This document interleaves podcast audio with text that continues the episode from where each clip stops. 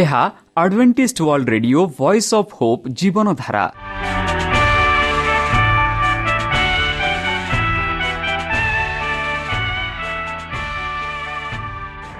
Odia radio କାର୍ଯ୍ୟକ୍ରମ ଯାହା ଆମର ଆନ୍ତର୍ଜାତୀୟ ଆଘାତ କେନ୍ଦ୍ରରୁ ପ୍ରସାରଣ କରାଯାଉଛି ପ୍ରତିଦିନ ରାତି ନଅଟା ତିରିଶ ମିନିଟ୍ରେ। ମୁଁ ସୁବ୍ରତ କୁମାର ପତି ପ୍ରେମର ସହ ଆପଣମାନଙ୍କୁ ଏହି କାର୍ଯ୍ୟକ୍ରମକୁ ସ୍ୱାଗତ କରୁଅଛି।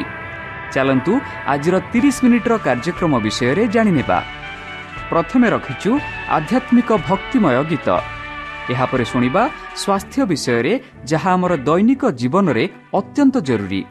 ଆଉ ପରିଶେଷରେ ଶୁଣିବା ପରମେଶ୍ୱରଙ୍କ ଭକ୍ତଙ୍କଠାରୁ ଜୀବନଦାୟକ ଈଶ୍ୱରଙ୍କ ବାକ୍ୟ।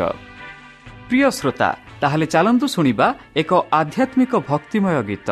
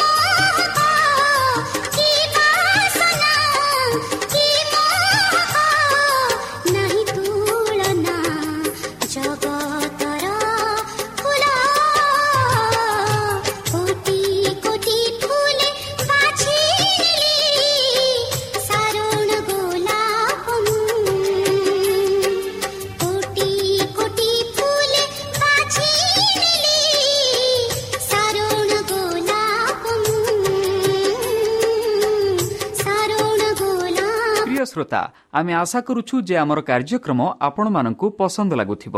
ଆପଣଙ୍କର ମତାମତ ଜଣାଇବା ପାଇଁ ଆମର ଏହି ଠିକଣାରେ ଯୋଗାଯୋଗ କରନ୍ତୁ। ଆମ ଠିକଣା Adventist media centre SDA mission compound Salisbury park Pune ଚାରି ଏକ ଏକ ଶୂନ ତିନି ସାତ ମହାରାଷ୍ଟ୍ର। ବା ଖୋଲନ୍ତୁ ଆମର ୱେବ୍ସାଇଟ୍ ଯେକୌଣସି Android phone smartphone desktop laptop କିମ୍ବା ଟ୍ୟାବ୍ଲେଟ୍। ଆମର website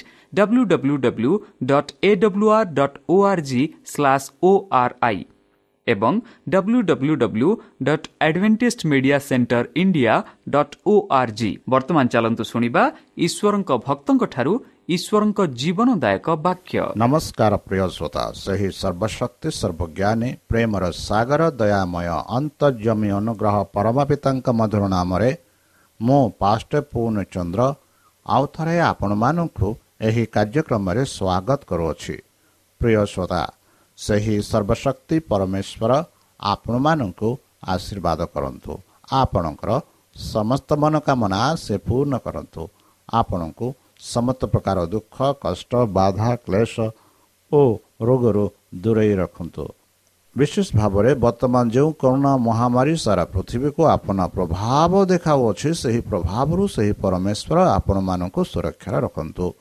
ତାହାଙ୍କ ପ୍ରେମ ତାହାଙ୍କ ସ୍ନେହ ତାହାଙ୍କ କୃପା ତାହାଙ୍କ ଅନୁଗ୍ରହ ତାହାଙ୍କ ଶାନ୍ତି ସଦାସର୍ବଦା ଆପଣଙ୍କଠାରେ ସହବର୍ତ୍ତୀ ରହୁ। ପ୍ରିୟସତା ଚାଲନ୍ତୁ ଆଜି ଆମ୍ଭେମାନେ କିଛି ସମୟ ପବିତ୍ର ଶାସ୍ତ୍ର ବାଇବଲଠୁ ତାହାଙ୍କ ଜୀବନଦାୟକ ବାକ୍ୟ ଧ୍ୟାନ କରିବା। ଆଜିର ଆଲୋଚନା ହେଉଛି ଆପଣଙ୍କ ରାଜା ଆସୁଛନ୍ତି। ଜିଖରିୟ ଦୁଇ ଦୁଇରେ ଏହିପରି ଲେଖାଯାଇଅଛି ହେ ସିୟନର କନ୍ୟା! ବହୁତ ଆନନ୍ଦ କର ଚିତ୍କାର କର। ହେ ଜେରୁସାଲାମର କନ୍ୟା ଦେଖ ତୁମର ରାଜା ତୁମ ନିକଟକୁ ଆସନ୍ତି। ସେ ଧାର୍ମିକ ଓ ପରିତ୍ରାଣ ପାଇଛନ୍ତି। ବନ୍ଧୁ ଖ୍ରୀଷ୍ଟଙ୍କ ଜନ୍ମର ପାଞ୍ଚଶହ ବର୍ଷ ପୂର୍ବରୁ ଭବିଷ୍ୟତ ଭକ୍ତା ଜିଖରିୟ ଏହିପରି ଇସ୍ରାଏଲଙ୍କୁ ରାଜାଙ୍କ ଆଗମନ ବିଷୟରେ ଭବିଷ୍ୟତବାଣୀ କରିଥିଲେ। ଏହି ଭବିଷ୍ୟତବାଣୀ ବର୍ତ୍ତମାନ ପୂରଣ ହେବାକୁ ଯାଉଛି। ଯିଏ ଶୀଘ୍ର ଦିନ ଧରି ରାଜା ସମ୍ମାନକୁ ପ୍ରତ୍ୟାଖ୍ୟାନ କରିଥିଲା ସେ ବର୍ତ୍ତମାନ ଜେରୁସାଲାମକୁ ଦାଉଦଙ୍କ ସିଂହାସନର ପ୍ରତିଜ୍ଞାକାରୀ ଉତ୍ତରାଧିକାରୀ ଭାବରେ ଆସନ୍ତି। ସପ୍ତାହର ପ୍ରଥମ ଦିନରେ ଖ୍ରୀଷ୍ଟ ଜେରୁସାଲାମରେ ତାଙ୍କର ବିଜୟ ପ୍ରବେଶ କରିଥିଲେ। ବେଥେନିଆରେ ତାଙ୍କୁ ଦେଖିବା ପାଇଁ ବହୁ ସଂଖ୍ୟାରେ ଲୋକ ତାଙ୍କ ସହିତ ଆସିଥିଲେ ଏବଂ ତାଙ୍କ ଗ୍ରହଣର ସାକ୍ଷୀ ହେବାକୁ ଆଗ୍ରହୀ ଥିଲେ। ଅନେକ ଲୋକ ନିସ୍ତାର ପର୍ବ ପାଳନ କରିବାକୁ ନଗରକୁ ଯାଇଥିଲେ ଏବଂ ଯୀଶୁଙ୍କ ଉପସ୍ଥିତିରେ ବହୁ ଲୋକ ଯୋଗ ଦେଇଥିଲେ। ସମସ୍ତ ପ୍ରକୃତି ଆନନ୍ଦିତ ମନେ ହେଉଥିଲା। ଗଛ ଗୁଡ଼ିକ ସୁଯାଗ ପରିଧାନ କରାଯାଇଥିଲା ଏବଂ ସେମାନଙ୍କ ଫଳ ଗୁଡ଼ିକ ବାୟୁରେ ଏକ ସ୍ନୁଗ୍ନ ସୁଗନ୍ଧ ଢାଲିଥିଲା। ଏକ ନୂତନ ଜୀବନ ଏବଂ ଆନନ୍ଦ ଲୋକମାନଙ୍କୁ ଜୀବନ୍ତ କରିଥିଲା। ନୂତନ ରାଜ୍ୟର ଭରସା ପୁଣି ଉଠିଥିଲା। ଜେରୁସାଲାମକୁ ଯିବାକୁ ଇଚ୍ଛା କରି ଯୀଶୁ ତାଙ୍କର ଦୁଇ ଜଣ ଶିଷ୍ୟଙ୍କୁ ତାଙ୍କ ନିକଟକୁ ଏକ ଗଧ ଓ ଗଧ ଆଣିବା ପାଇଁ ପଠାଇଥିଲେ। ତାଙ୍କ ଜନ୍ମ ସମୟରେ ତ୍ରାଣକର୍ତ୍ତା ଅପରିଚିତ ବ୍ୟକ୍ତିଙ୍କ ଅତ୍ୟତ୍ତ ଉପରେ ନିର୍ଭରଶୀଳ ଥିଲେ। ସେ ଯେଉଁ ସ୍ୱଚ୍ଛରେ ଶୋଇଥିଲେ ତାହା ଏକ ପ୍ରାପ୍ତ ବିଶ୍ରାମ ସ୍ଥାନ। ବର୍ତ୍ତମାନ ଯଦିଓ ଏହା ହଜାର ପାହାଡ଼ ଉପରେ ଥିବା ଗୋରୁ ତାଙ୍କର ସେ ଜଣେ ପଶୁ ପାଇଁ ଅପରିଚିତ ବ୍ୟକ୍ତିଙ୍କ ଦୟା ଉପରେ ନିର୍ଭରଶୀଳ ଯାହା ଜେରୁସାଲାମଙ୍କୁ ଏହାର ରାଜା ଭାବରେ ପ୍ରବେଶ କରିବ। କିନ୍ତୁ ପୁନର୍ବାର ତାଙ୍କର ଈଶ୍ୱରୀୟତା ପ୍ରକାଶ ପାଇଲା। ଏପରିକି ଏହି ନିର୍ଦ୍ଦେଶ ପାଇଁ ତାଙ୍କ ଶିଷ୍ୟମାନଙ୍କୁ ଦିଆଯାଇଥିଲା। ମିନଟ ନିର୍ଦ୍ଦେଶରେ ସେ ଯେପରି ଭବିଷ୍ୟତବାଣୀ କରିଥିଲେ ପ୍ରଭୁ ସେମାନଙ୍କର ଆବଶ୍ୟକ କରନ୍ତି ବୋଲି ନିବେଦନ ସହଜରେ ଗ୍ରହଣ କରାଯାଇଥିଲା। ଯୀଶୁ ବ୍ୟବହାର କରିବା ପାଇଁ ବାଛୁରୀ ବାଛିଲେ ଯେଉଁଥିରେ ମନୁଷ୍ୟ କେବେ ବସି ନଥିଲେ। ଶିଷ୍ୟମାନେ ଅତି ଉତ୍ସାହର ସହିତ ପଶୁ ଉପରେ ସେମାନଙ୍କ ବସ୍ତ୍ର ବିସ୍ତାର କଲେ ଏବଂ ସେମାନଙ୍କ ଉପରେ ସେମାନଙ୍କର ଗୁରୁଙ୍କୁ ବସାଇଲେ। ପୂର୍ବରୁ ଯୀଶୁ ସର୍ବଦା ପାଦରେ ଯାତ୍ରା କରୁଥିଲେ ଏବଂ ଶିଷ୍ୟମାନେ ପ୍ରଥମେ ଭାବିଥିଲେ ଯେ ସେ ବର୍ତ୍ତମାନ ଚଳିବାକୁ ବାଛିବେ। କିନ୍ତୁ ଆଶା ସେମାନଙ୍କ ହୃଦୟରେ ଉଜ୍ଜଳତା ଭାବନା ସହିତ ଉଜ୍ଜଳ ହେଲା ଯେ ସେ ରାଜା ରାଜଧାନୀରେ ପ୍ରବେଶ କରିବାକୁ ନିଜକୁ ରାଜା ଘୋଷଣା କରିବାକୁ ଏବଂ ତାଙ୍କ ରାଜା ଶକ୍ତି ଦୃଢ଼ କରିବାକୁ ଯାଉଛନ୍ତି। ଯେତେବେଳେ ସେମାନେ ସେମାନଙ୍କ ନିର୍ଦ୍ଦେଶ ଥିଲେ ସେମାନେ ସେମାନଙ୍କର ଉଜ୍ଜଳ ଆଶାକୁ ଯୀଶୁଙ୍କ ବନ୍ଧୁମାନଙ୍କ ନିକଟରେ ଜଣାଇଲେ। ଏବଂ ଉତ୍ସାହ ବହୁ ଦୂରରୁ ବ୍ୟାପିଗଲା ଯାହା ଲୋକଙ୍କ ଆଶାକୁ ସର୍ବୋଚ୍ଚ ସ୍ଥାନକୁ ନେଇଗଲା। ବନ୍ଧୁ ଖ୍ରୀଷ୍ଟ ଏକ ରାଜା ପ୍ରବେଶ ପାଇଁ ଜିହୁଦି ରୀତିନୀତି ଅନୁସରଣ କରୁଥିଲେ। ସେ ଯେଉଁ ପଶୁ ଉପରେ ଚଢ଼ିଥିଲେ ତାହା ଇସ୍ରାଏଲ ରାଜାମାନଙ୍କ ଦ୍ୱାରା ଚଢ଼ିଥିଲା ଏବଂ ଭବିଷ୍ୟତବାଣୀ ଭବିଷ୍ୟବାଣୀ କରିଥିଲେ। ସେ ଏହିପରି ଖ୍ରୀଷ୍ଟ ତାଙ୍କ ରାଜ୍ୟକୁ ଆସିବେ। ସେ ଖୁବ୍ ଶୀଘ୍ର ଗଧ ଉପରେ ବସିଥିଲେ। ବିଜୟର ଉଚ୍ଚ ସ୍ୱରରେ ପବନ ଭଡ଼ା ଲୋକମାନେ ତାହାଙ୍କୁ ରାଜା ବୋଲି କହିଥିଲେ। ଯୀଶୁ ବର୍ତ୍ତମାନ ସେହି ସମ୍ମାନକୁ ଗ୍ରହଣ କରିଥିଲେ ଯାହାକୁ ସେ ପୂର୍ବରୁ ଅନୁମତି ନେଇ ଦେଇନଥିଲେ ଏବଂ ଶିଷ୍ୟମାନେ ଏହା ପ୍ରମାଣ ଭାବରେ ଗ୍ରହଣ କଲେ ଯେ ସିଂହାସନରେ ସ୍ଥାପିତ ହୋଇ ଦେଖି ସେମାନଙ୍କ ଆନନ୍ଦ ଆଶା ପୂରଣ ହେବ। ଜନତା ନିଶ୍ଚିତ ହୋଇଥିଲେ ଯେ ସେମାନଙ୍କ ମୁକ୍ତିର ସମୟ ପାଖେଇ ଆସୁଛି। କଳ୍ପନାରେ ସେମାନେ ରୋମିଓ ସୈନ୍ୟ ବାହିନୀ ଜେରୁସାଲାମକୁ ବିତାଡ଼ିତ ହୋଇଥିଲେ ଦେଖିଲେ ଏବଂ ଇସ୍ରାଏଲ ପୁଣି ଏକ ସ୍ୱାଧୀନ ରାଷ୍ଟ୍ର। ସମସ୍ତେ ଖୁସି ଏବଂ ଉତ୍ସାହିତ ଥିଲେ। ଲୋକମାନେ ତାଙ୍କୁ ଶ୍ରଦ୍ଧାଞ୍ଜଳି ଦେବାରେ ପରସ୍ପର ସହ ପ୍ରତିବାଦ କଲେ। ସେମାନେ ବାହ୍ୟ ପମ୍ପ ଏବଂ ମହିମା ପ୍ରଦର୍ଶନ କରିବା ପାଇଁ ନାହିଁ କିନ୍ତୁ ସେମାନେ ତାଙ୍କୁ ଖୁସିର ଉପସନା କଲେ। ସେମାନେ ତାଙ୍କୁ ବହୁମୂଲ୍ୟ ଉପହାର ଦେଇ ଉପସ୍ଥାପନ କରିବାକୁ ଅସମର୍ଥ ହେଲେ। କିନ୍ତୁ ସେମାନେ ସେମାନଙ୍କ ବାହ୍ୟ ବସ୍ତ୍ରକୁ ତାଙ୍କ ପାଦରେ କାର୍ପଟ ଭାବରେ ବିସ୍ତାର କଲେ ଏବଂ ସେମାନେ ସେହି ପଥରେ ଅଲିଭ ଏବଂ ଖଜୁରୀର ପତ୍ର ଡାଲ ମଧ୍ୟ ପକାଇଲେ। କୌଣସି ରାଜକୀୟ ମାନଦଣ୍ଡ ନଥାଇ ସେମାନେ ଜୟନ୍ତୀ ଶୋଭାଯାତ୍ରାର ନେତୃତ୍ୱ ନେଇପାରନ୍ତି। କିନ୍ତୁ ସେମାନେ ବିସ୍ତାରିତ ଖଜୁରୀ ଡାଳ ପ୍ରକୃତିର ବିଜୟର ପ୍ରତିକୃତ କାଟି ଉଚ୍ଚ ସ୍ୱରରେ ଉଚ୍ଚ ସ୍ୱରରେ ପ୍ରଶଂସା କରୁଥିଲେ। ବନ୍ଧୁ ସେମାନେ ଆଗକୁ ବଢ଼ିବା ପରେ ସେମାନେ ଯୀଶୁଙ୍କ ଆଗମନ ବିଷୟରେ ଶୁଣିଥିଲେ ଏବଂ ଏହି ଶୋଭାଯାତ୍ରାରେ ଯୋଗ ଦେବାକୁ ତତ୍ପର ହୋଇଥିଲେ ସେମାନଙ୍କ ଦ୍ୱାରା କ୍ରମାଗତ ଭାବରେ ଜନତା ବୃଦ୍ଧି ପାଇଲା। ଦର୍ଶକମାନେ କ୍ରମାଗତ ଭାବରେ ଭିଡ଼ ସହିତ ମିଶ୍ରଣ କରୁଥିଲେ ଏବଂ ପଚାରିଥିଲେ ଏହା କିଏ?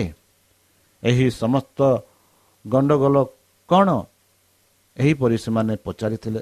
ସେମାନେ ସମସ୍ତେ ଯୀଶୁଙ୍କ ବିଷୟରେ ଶୁଣିଥିଲେ ଏବଂ ଆଶା କରୁଥିଲେ ଯେ ସେ ଜେରୁସାଲାମକୁ ଯିବେ।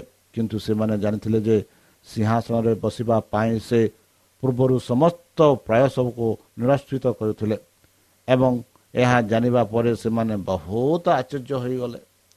ସେମାନେ ଭାବିଥିଲେ ଯେ ତାଙ୍କ ରାଜ୍ୟ ଏହି ଜଗତର ନୁହେଁ ବୋଲି ଘୋଷଣା କରିବା ତାଙ୍କଠାରେ ଏହି ପରିବର୍ତ୍ତନ କ'ଣ ହୋଇପାରେ? ବିଜୟର ଚିତ୍କାର ଦ୍ୱାରା ସେମାନଙ୍କ ପ୍ରଶ୍ନ ଗୁଡ଼ିକର ଚୁପ୍ ହୋଇଯାଏ।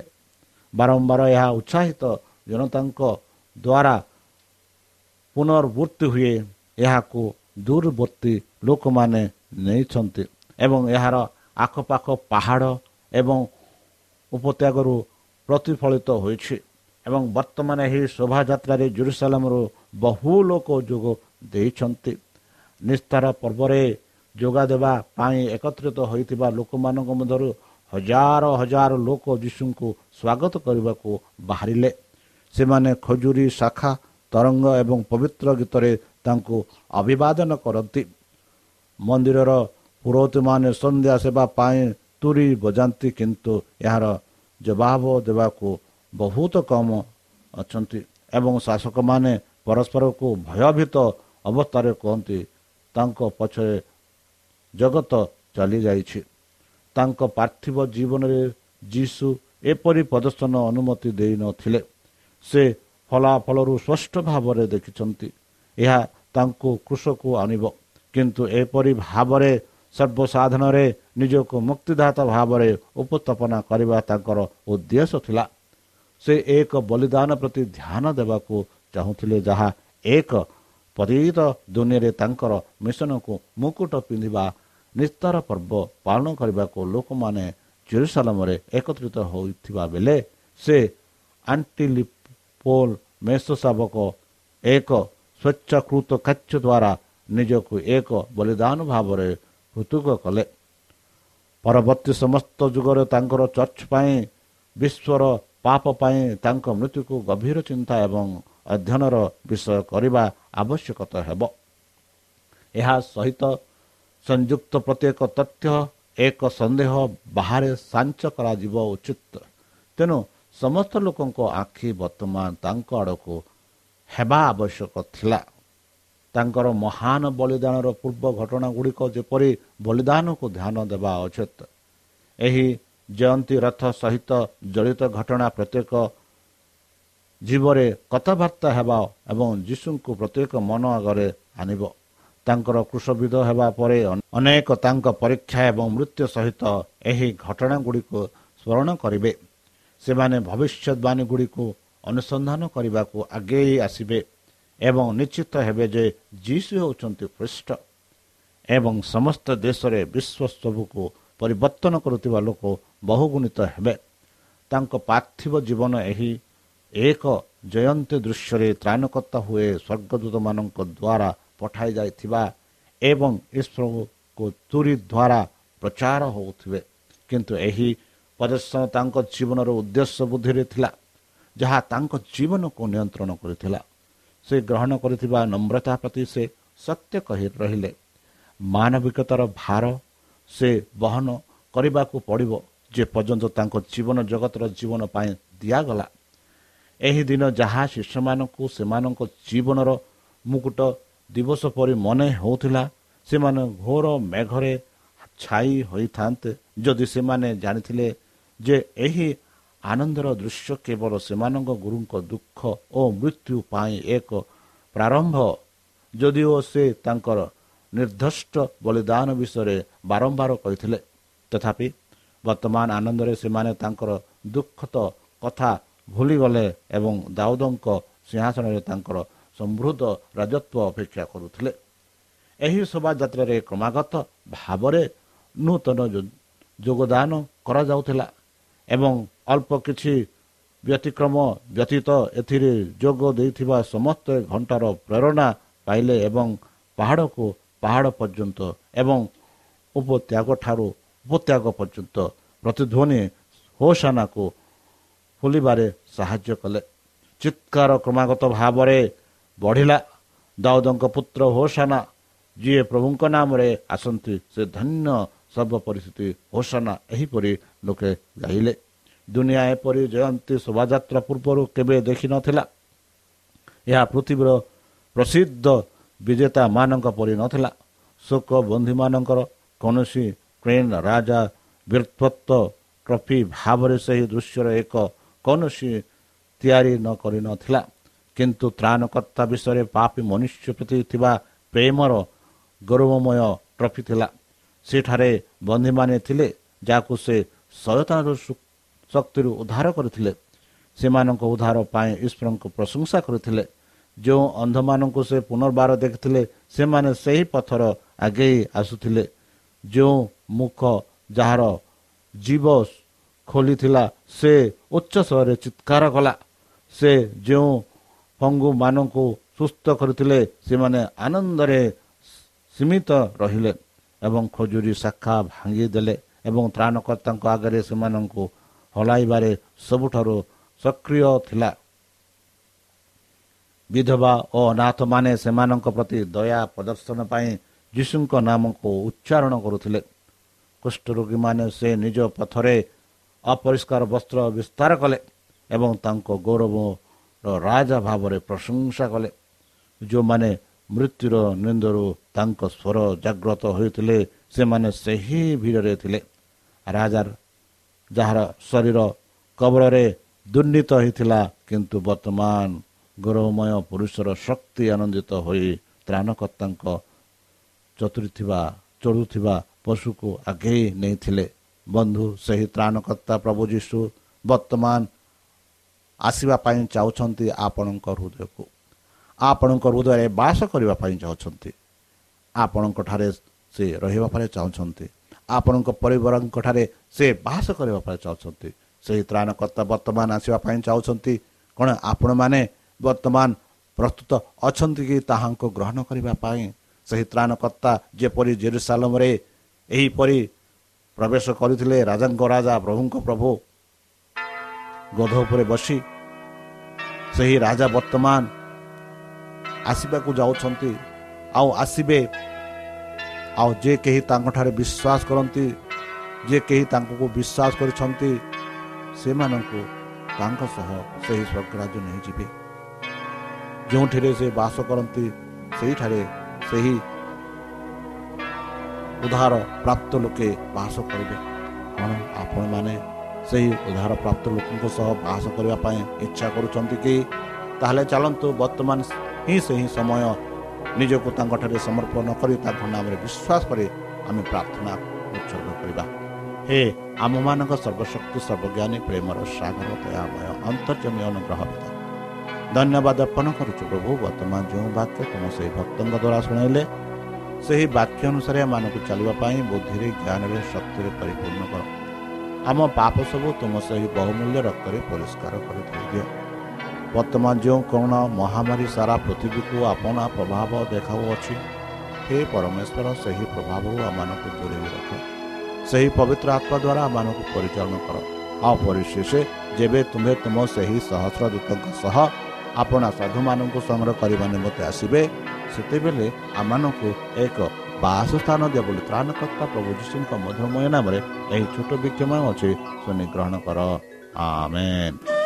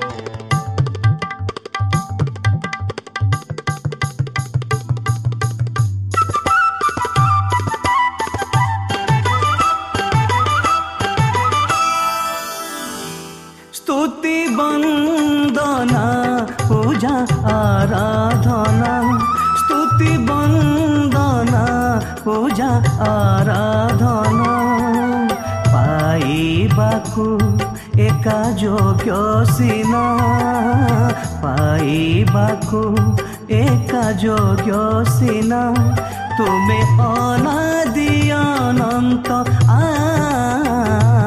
ସ୍ତୁତି ବନ୍ଦନା ପୂଜା ଆରାଧନା ସ୍ତୁତି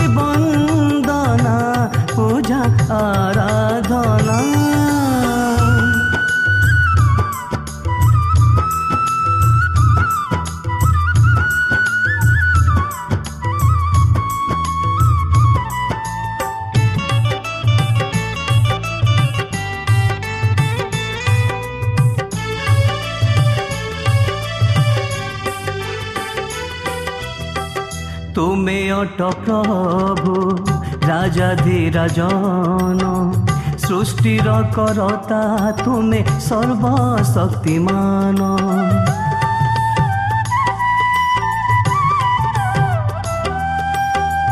তুমি অট প্রভু রাজাধিরাজন সৃষ্টির করতা তুমি সর্বশক্তিমান শুষ্ক অস্তি ସବୁ ସଜୀବ ହେବାକୁ ବୁହାଇଲ ପ୍ରାଣ ବାୟୁ ଚାରି ଦିଗୁ ମହାବୀର ସେନା ସରଜିଲ ମୃତ୍ୟୁ କବଳରୁ ସ୍ତୁତି ବନ୍ଦନା ପୂଜା ଆରାଧନା